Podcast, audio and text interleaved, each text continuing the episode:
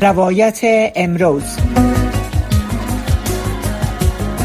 روایت امروز.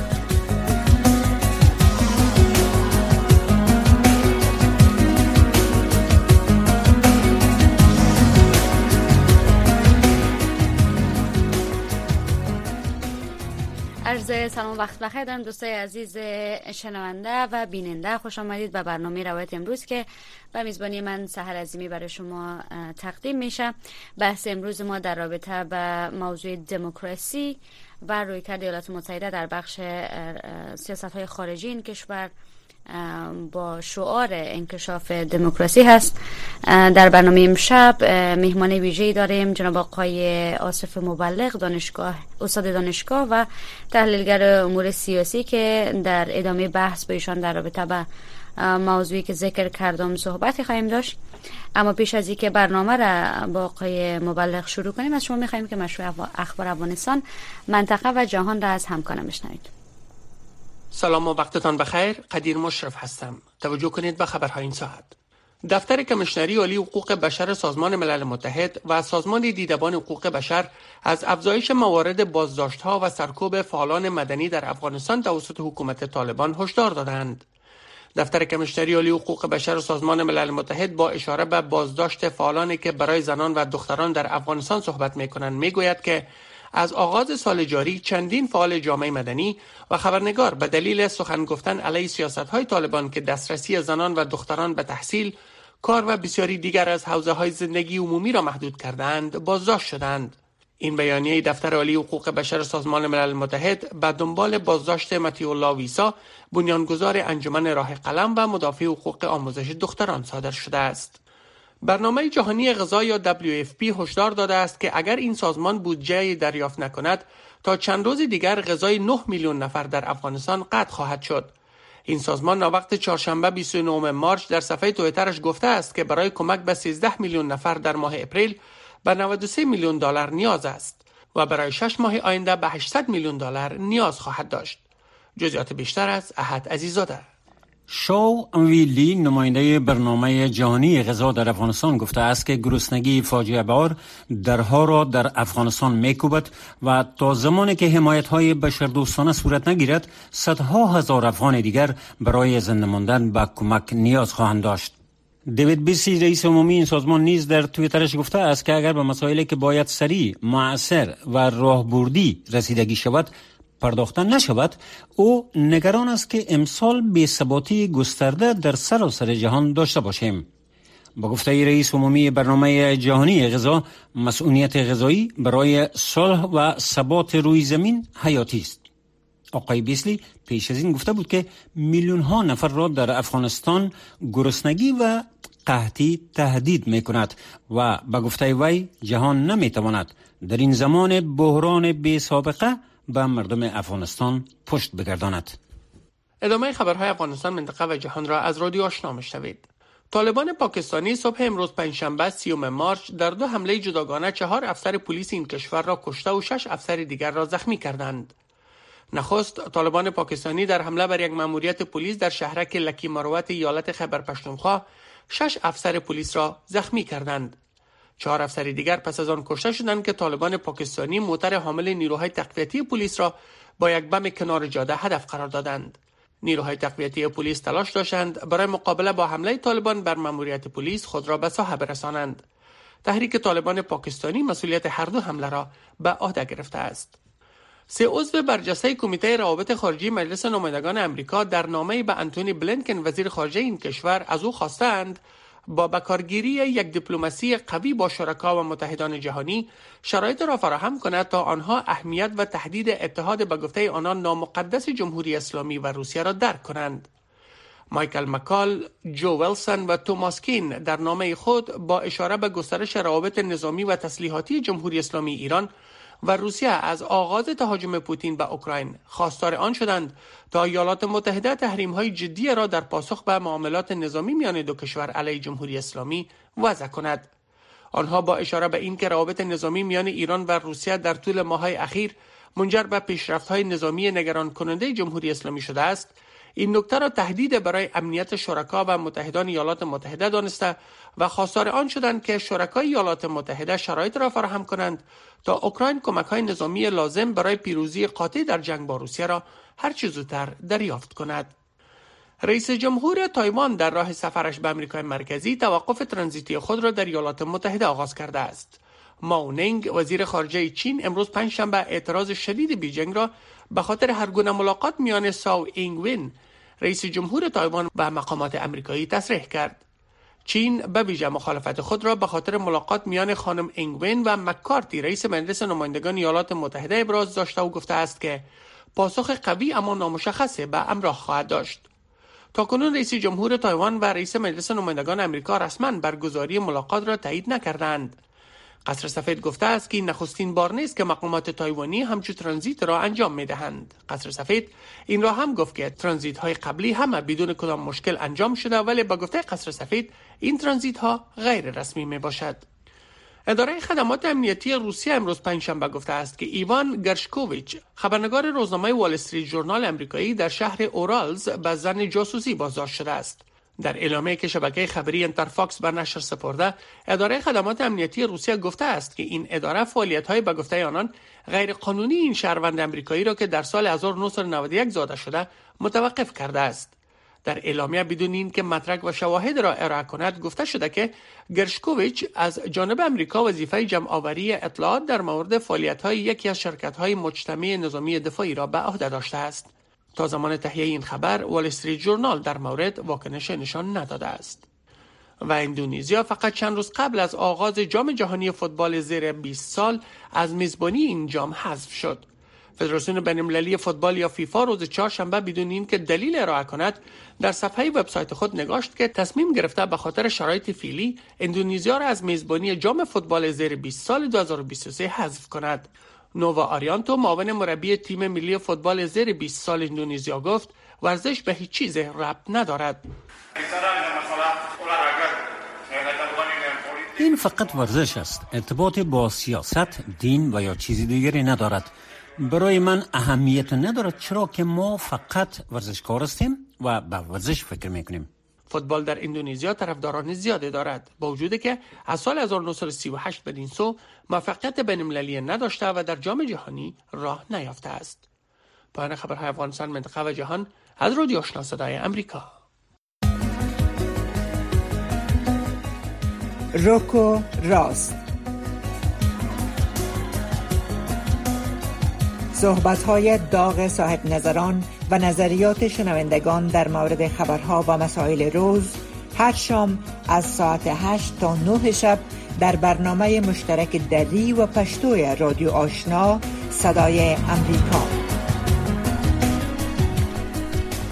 با سلام مجدد شنوندگان گرامی دوباره شما را خوش آمدید. میگم به برنامه این ساعت ما برنامه امروز ما که با میزبانی آقای با میزبانی من و از آقای محترم آصف مبلغ صورت می‌گیرد. تحت موضوع ایالات متحده هست و شیوه انکشاف دموکراسی و اینکه این دموکراسی چقدر با سیاست خارجی ایالات متحده همخوانی خواهد داشت.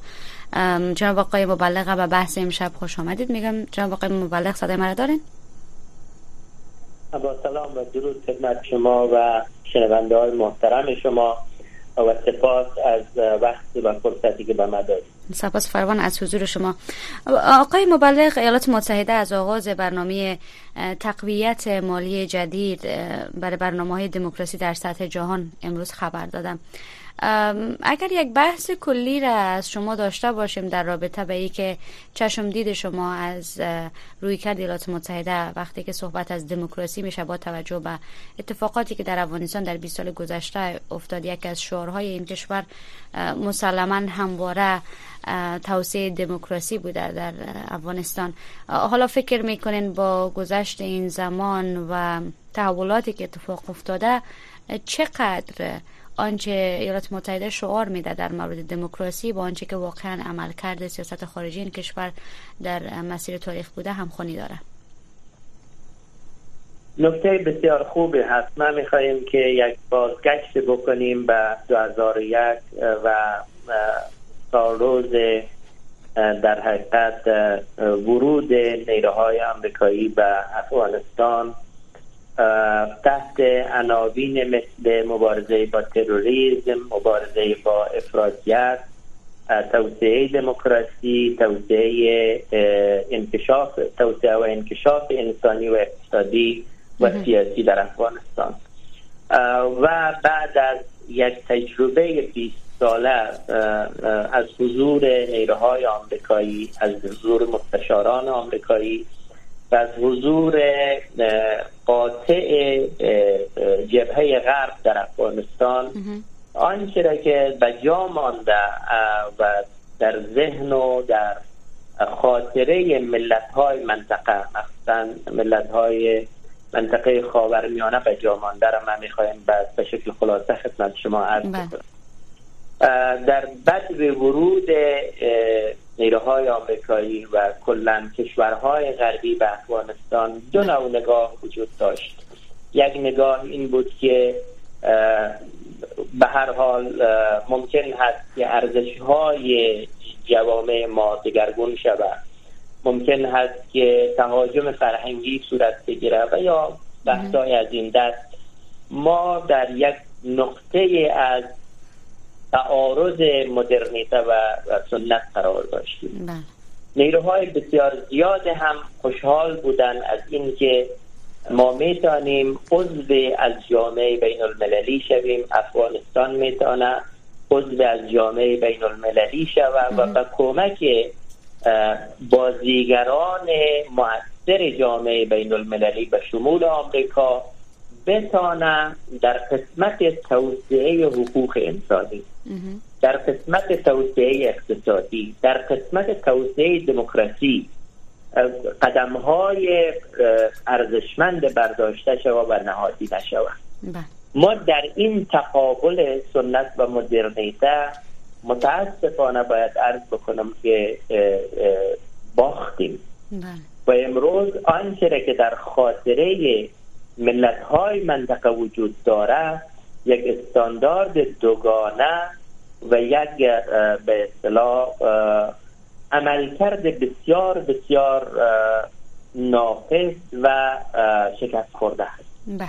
ما در افغانستان هم مردم افغانستان به خاطر داره و هم ملت های منطقه به خاطر داره که کسانی که منادی دموکراسی بودند با تروریست ها بر سر یک میز نشستند کسانی که منادی حقوق بشر آزادی انسان ها منادی مبارزه با تروریسم خشونت افرادیت بودند چگونه سناریو را به شکل چیدند که امروز تمام مقدرات یک ملت به دست یک گروه تروریستی افراطی تروریست حزم این قضیه برای ملت افغانستان غیر ممکن هست.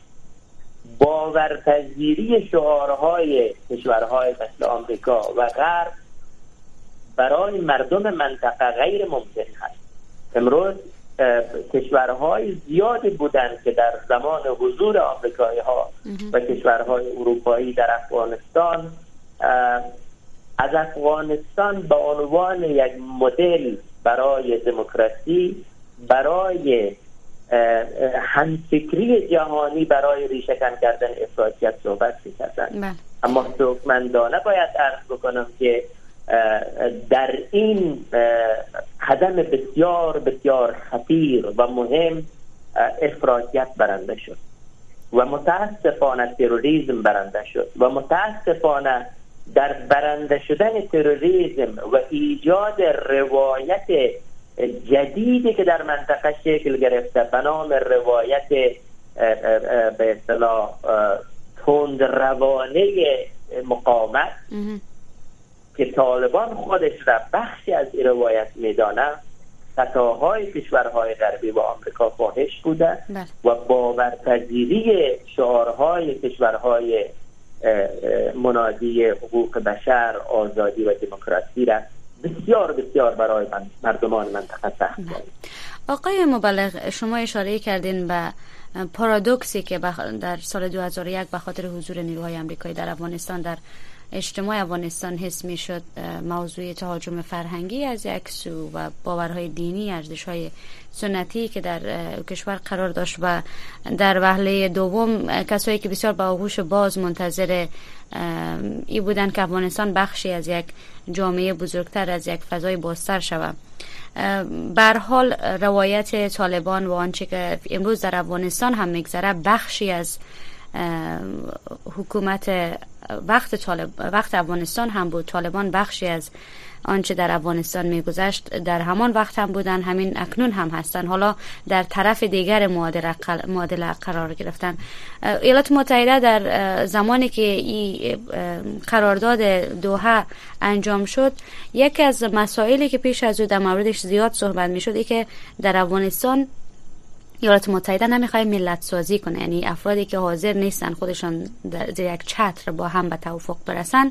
وظیفه ایالات متحده نیست که این مردم با هم یک جا کنه یا یا راه حل به خاطر این موضوع به وجود بیاید فکر می‌کنین 20 سال زمان کافی نبود بر افغانستان که بر حال این روایتی که از دموکراسی مردم برش عادت کرده بودند عضو جدا ناپذیر زندگیشان شده بود. یک یک یک حالت بیشتر استمراری تر داشته باشه یا فکر می‌کنین سناریویی که در افغانستان پیاده شده آنچه که شما اشاره کردین در واقع توسط منادی دموکراسی یا آن کشورهایی که بر حال شعار دموکراسی را میدن بر افغانستان چیده شده؟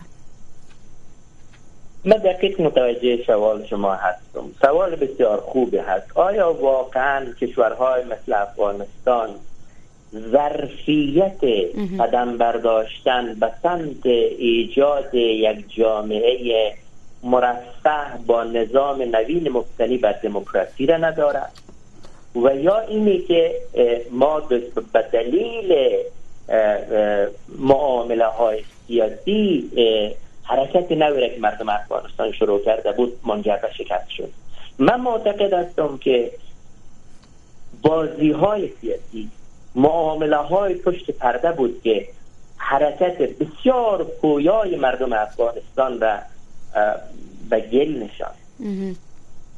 مردم افغانستان از ساعت هفت صبح و حتی شش صبح کورسای آموزشیشان را باز می‌کردن در حال تمرین مستمر همپذیری آشتی ملی تولید مفاهیم انسانی تولید ایجاد مراکز آموزشی تمرین دموکراسی بودند اما وقتی در به هزینه ایران پرداخت می‌کردن. شما به طور بسیار بسیار معنیداری در انتخابات ها دیدید که مردم انگشت های خودشان در قطع شده بله. دیدن ولی باز هم به صندوق های رای رفتن من فکر می‌کنم بله. اینجا برد افراطیت و ظرفیت جامعه افغانی نبود که ما را منجر به شکست کرد جامعه افغانی و افغانستانی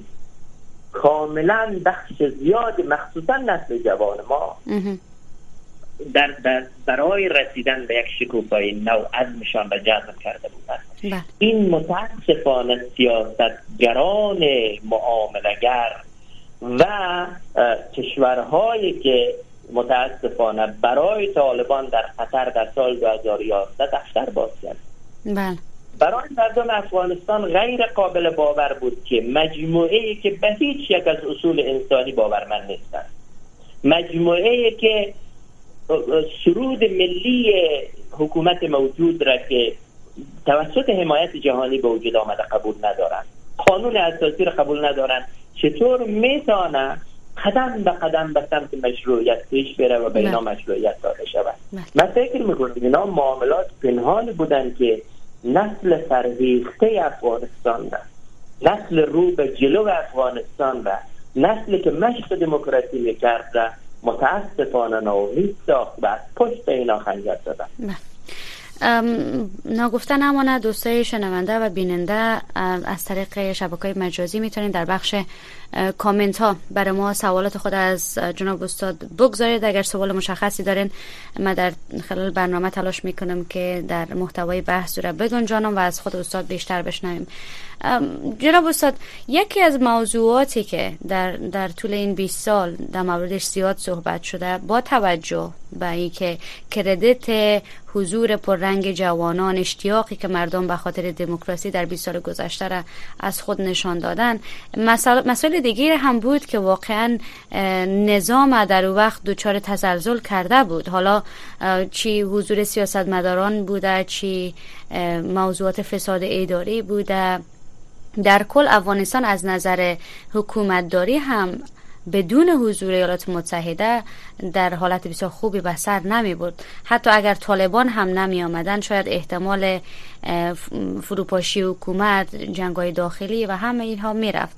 آیا فکر می‌کنین اگر شما نسخه بتانین برای وضعیت فعلی افغانستان داشته باشین چی موضوعات را باید شامل بسازیم؟ مردم چی راه چاره داره؟ حالا اگر ایالات متحده امروز از دموکراسی در افغانستان دفاع نمی‌کنه اگر 20 سال پیش کار می‌کرد مردم در افغانستان باید چیکار کنن که به هر صورت با آنچه که به او عادت داشتن در 20 سال گذشته جوانایی که اصلا سر و کارشان با سانسور و با, با محدودیت نبوده با بازداشت های خودسرانه نبوده با قتل و با دیگر موضوعاتی که گزارشات سازمان ملل و عفو بین الملل در موردش بیشتر با جزئیات توضیح میتن این مردم باید چی کار کنن در حال حاضر؟ یک نکته بسیار بسیار مهم است. همیشه یک مجموعه بوده که می‌خواسته به اذهان عمومی القا بکنه که بهترین مدل حکومتی برای جامعه سنتی افغانستان طالبان است. این آمدانه می‌خواستن در مغز افکار عمومی مردم افغانستان از یک طرف و افکار جمعی جامعه بین الملل از طرف دیگه القا بکنن. من با این مخالف هستم. ظرفیت جامعه افغانستان ما اگر فکر بکنیم و ما القا بکنن که ظرفیت جامعه افغانی و افغانستانی تشکیل حکومت مثل طالبان هست به دلیل رسوخ سنت ها فرهنگ رسوم و انعنه مردم افغانستان به هیچ عنوان چنین چیز را من نمی‌تونم بپذیرم. نسل فرهیخته جدید افغانستان فرقی نمی مرکز افغانستان شمال افغانستان جنوب افغانستان. تمامشان تشنه یک تحول اجتماعی در افغانستان است. بله. شماری از آگاهان جناب آقای مبلغ انتقاد می‌کنن به ای که اگر این حکومتی که فعلا در افغانستان هست حکومت طالبان اگر مردم با این حکومت به هر صورت سازشی نداشتن چرا تا, تا حال دو سال است که دوام کرده تقریبا؟ اما بحثی که چرا طالبان آمدن و چرا حکومت قبلی از هم پاشید؟ آیا این نقص دموکراسی و نظام های مبتنی بر آرای مردم بود که یک چنین تحول اتفاق افتاد؟ آیا فساد را که وجود داشت به دلیل نقص سیستم دموکراسی هست؟ کاملا من می‌خوایم تفکیل قاید شما بینیم ما دردای متاسفانه نادرمان شده تاریخی داریم در جامعه افغانستان. و اگر من در بسیار از صحبت خود بر روی این دردا انگشت نگذارم صحبت من متوجه هیچ قشر اجتماعی نیست. تمام اقشار اجتماعی افغانستان متضرر هستند. اما بخش الیت جامعه افغانستان باید درک بکنن که در یک تفاهم گفتگو و همپذیری این دردها را اول بپذیرند و بعد برای درمان آنها تلاش بکنند. بحث قومی بودن ساختار قدرت. چیزی که به وضوح شما می‌دونید باعث شد که جمهوریت و حکومت جمهوریت از درون کاویده شود و از درون پوک شود. ما هنوز نتانستیم متاسفانه به عنوان یک ملت بله. در کنار هم دیگه و اتفاقا همی انتقاد حکومت ایالات متحده داشت دلیل خروجشان هم تا یک حدی به این موضوع اشاره می‌کردن که ما به خاطر ملت سازی به افغانستان نرفتیم. ما به خاطر جلوگیری از از رویداد اتفاقات توریستی در خاک امریکا این کار انجام دادیم و حالا در, در زمان بودنشان شاید شعار دموکراسی هم داده باشن اما هدف اصلیشان این بوده که از خاک افغانستان به کشورشان و متحدینشان استفاده نشه. و, و طوری که طالبان بارها خودشان هم در موردش صحبت کردنی که اونا آنها هم این وعده را سپردن که از افغانستان از خاکش استفاده نشه اما ایمال زواهری را در کابل هدف قرار دادن نیروهای امریکایی حالا بر صورت آقای مبلغ فرصت برنامه بسیار محدود است. با شما یک سه دقیقه دیگه وقت داریم. اگر جنبندی کنیم صحبت امروز ما را می‌خوایم شروع کنیم از اینکه شرایط فعلی جهان را با وجود تنش هایی که در, در سالهای اخیر در شرق میانه به وجود آمده در فعلا در اوکراین اتفاق مفته فکر می‌کنین به کدام مسیر روان است؟ آیا دموکراسی پوسیده شده فرسوده شده؟ آیا ازش به عنوان یک, یک, یک شعار تنها استفاده میشه؟ و یا فکر می‌کنین امیدی هست به خاطر بهبود وضعیت؟ من در خاتمه و در جنبندی خدمتتان چند نکته را به شکل بارز می‌خوایم عرض بکنم. یک بهترین مدل حکومتی برای مردم افغانستان که متشکل از تنوع مختلف قومی مذهبی هستند دموکراسی هست. یعنی حکومت مبتنی بر اراده مردم. هر نوع تحمیلی در این جامعه و در این خاک جواب نداده.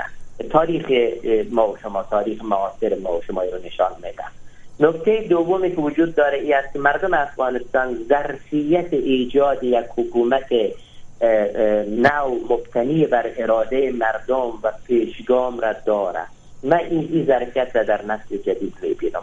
نکته سوم طالبان به هیچ عنوان برایند ظرفیت های مردم افغانستان نیست. طالبان یک نیروی تحمیلی هست در یک معامله اینا قدرت را به دست گرفته اما مردم ما چه در شمال چه در جنوب چه در مرکز خواهان ایجاد یک حکومت مترقیتر حکومتی که در او همه بتانند سهم بگیرند حکومتی که ارزش های انسانی به نام دین در او خفه نشود هستند. و این در تمام مناطق خاص وجود داره از شمال تا جنوب تا مرکز. نکته چهارم را که می‌خوایم خدمتتان عرض بکنم این هست که آمریکایی ها با اینی که گفتن که ما برای ملت سازی نرفته بودیم اما شما اگر مدافع دموکراسی بودین نباید در مقابل تخلبات انتخاباتی صدایتان رو نمی‌کشید. بله. و یا تهدید آقای زلمه خلیلزاد بر علیه برنده های انتخابات افغانستان کردن. این برخلاف وعده ها برخلاف ادعاهای شما در دفاع از دموکراسی است بله. بنابراین در شکست دموکراسی پروسه دموکراسی در افغانستان مردم افغانستان هیچ نقشی نداشتند مردم افغانستان با جهان زیر کار کردند اما بازی های سیاسی ما را به این روند جدید کشاند.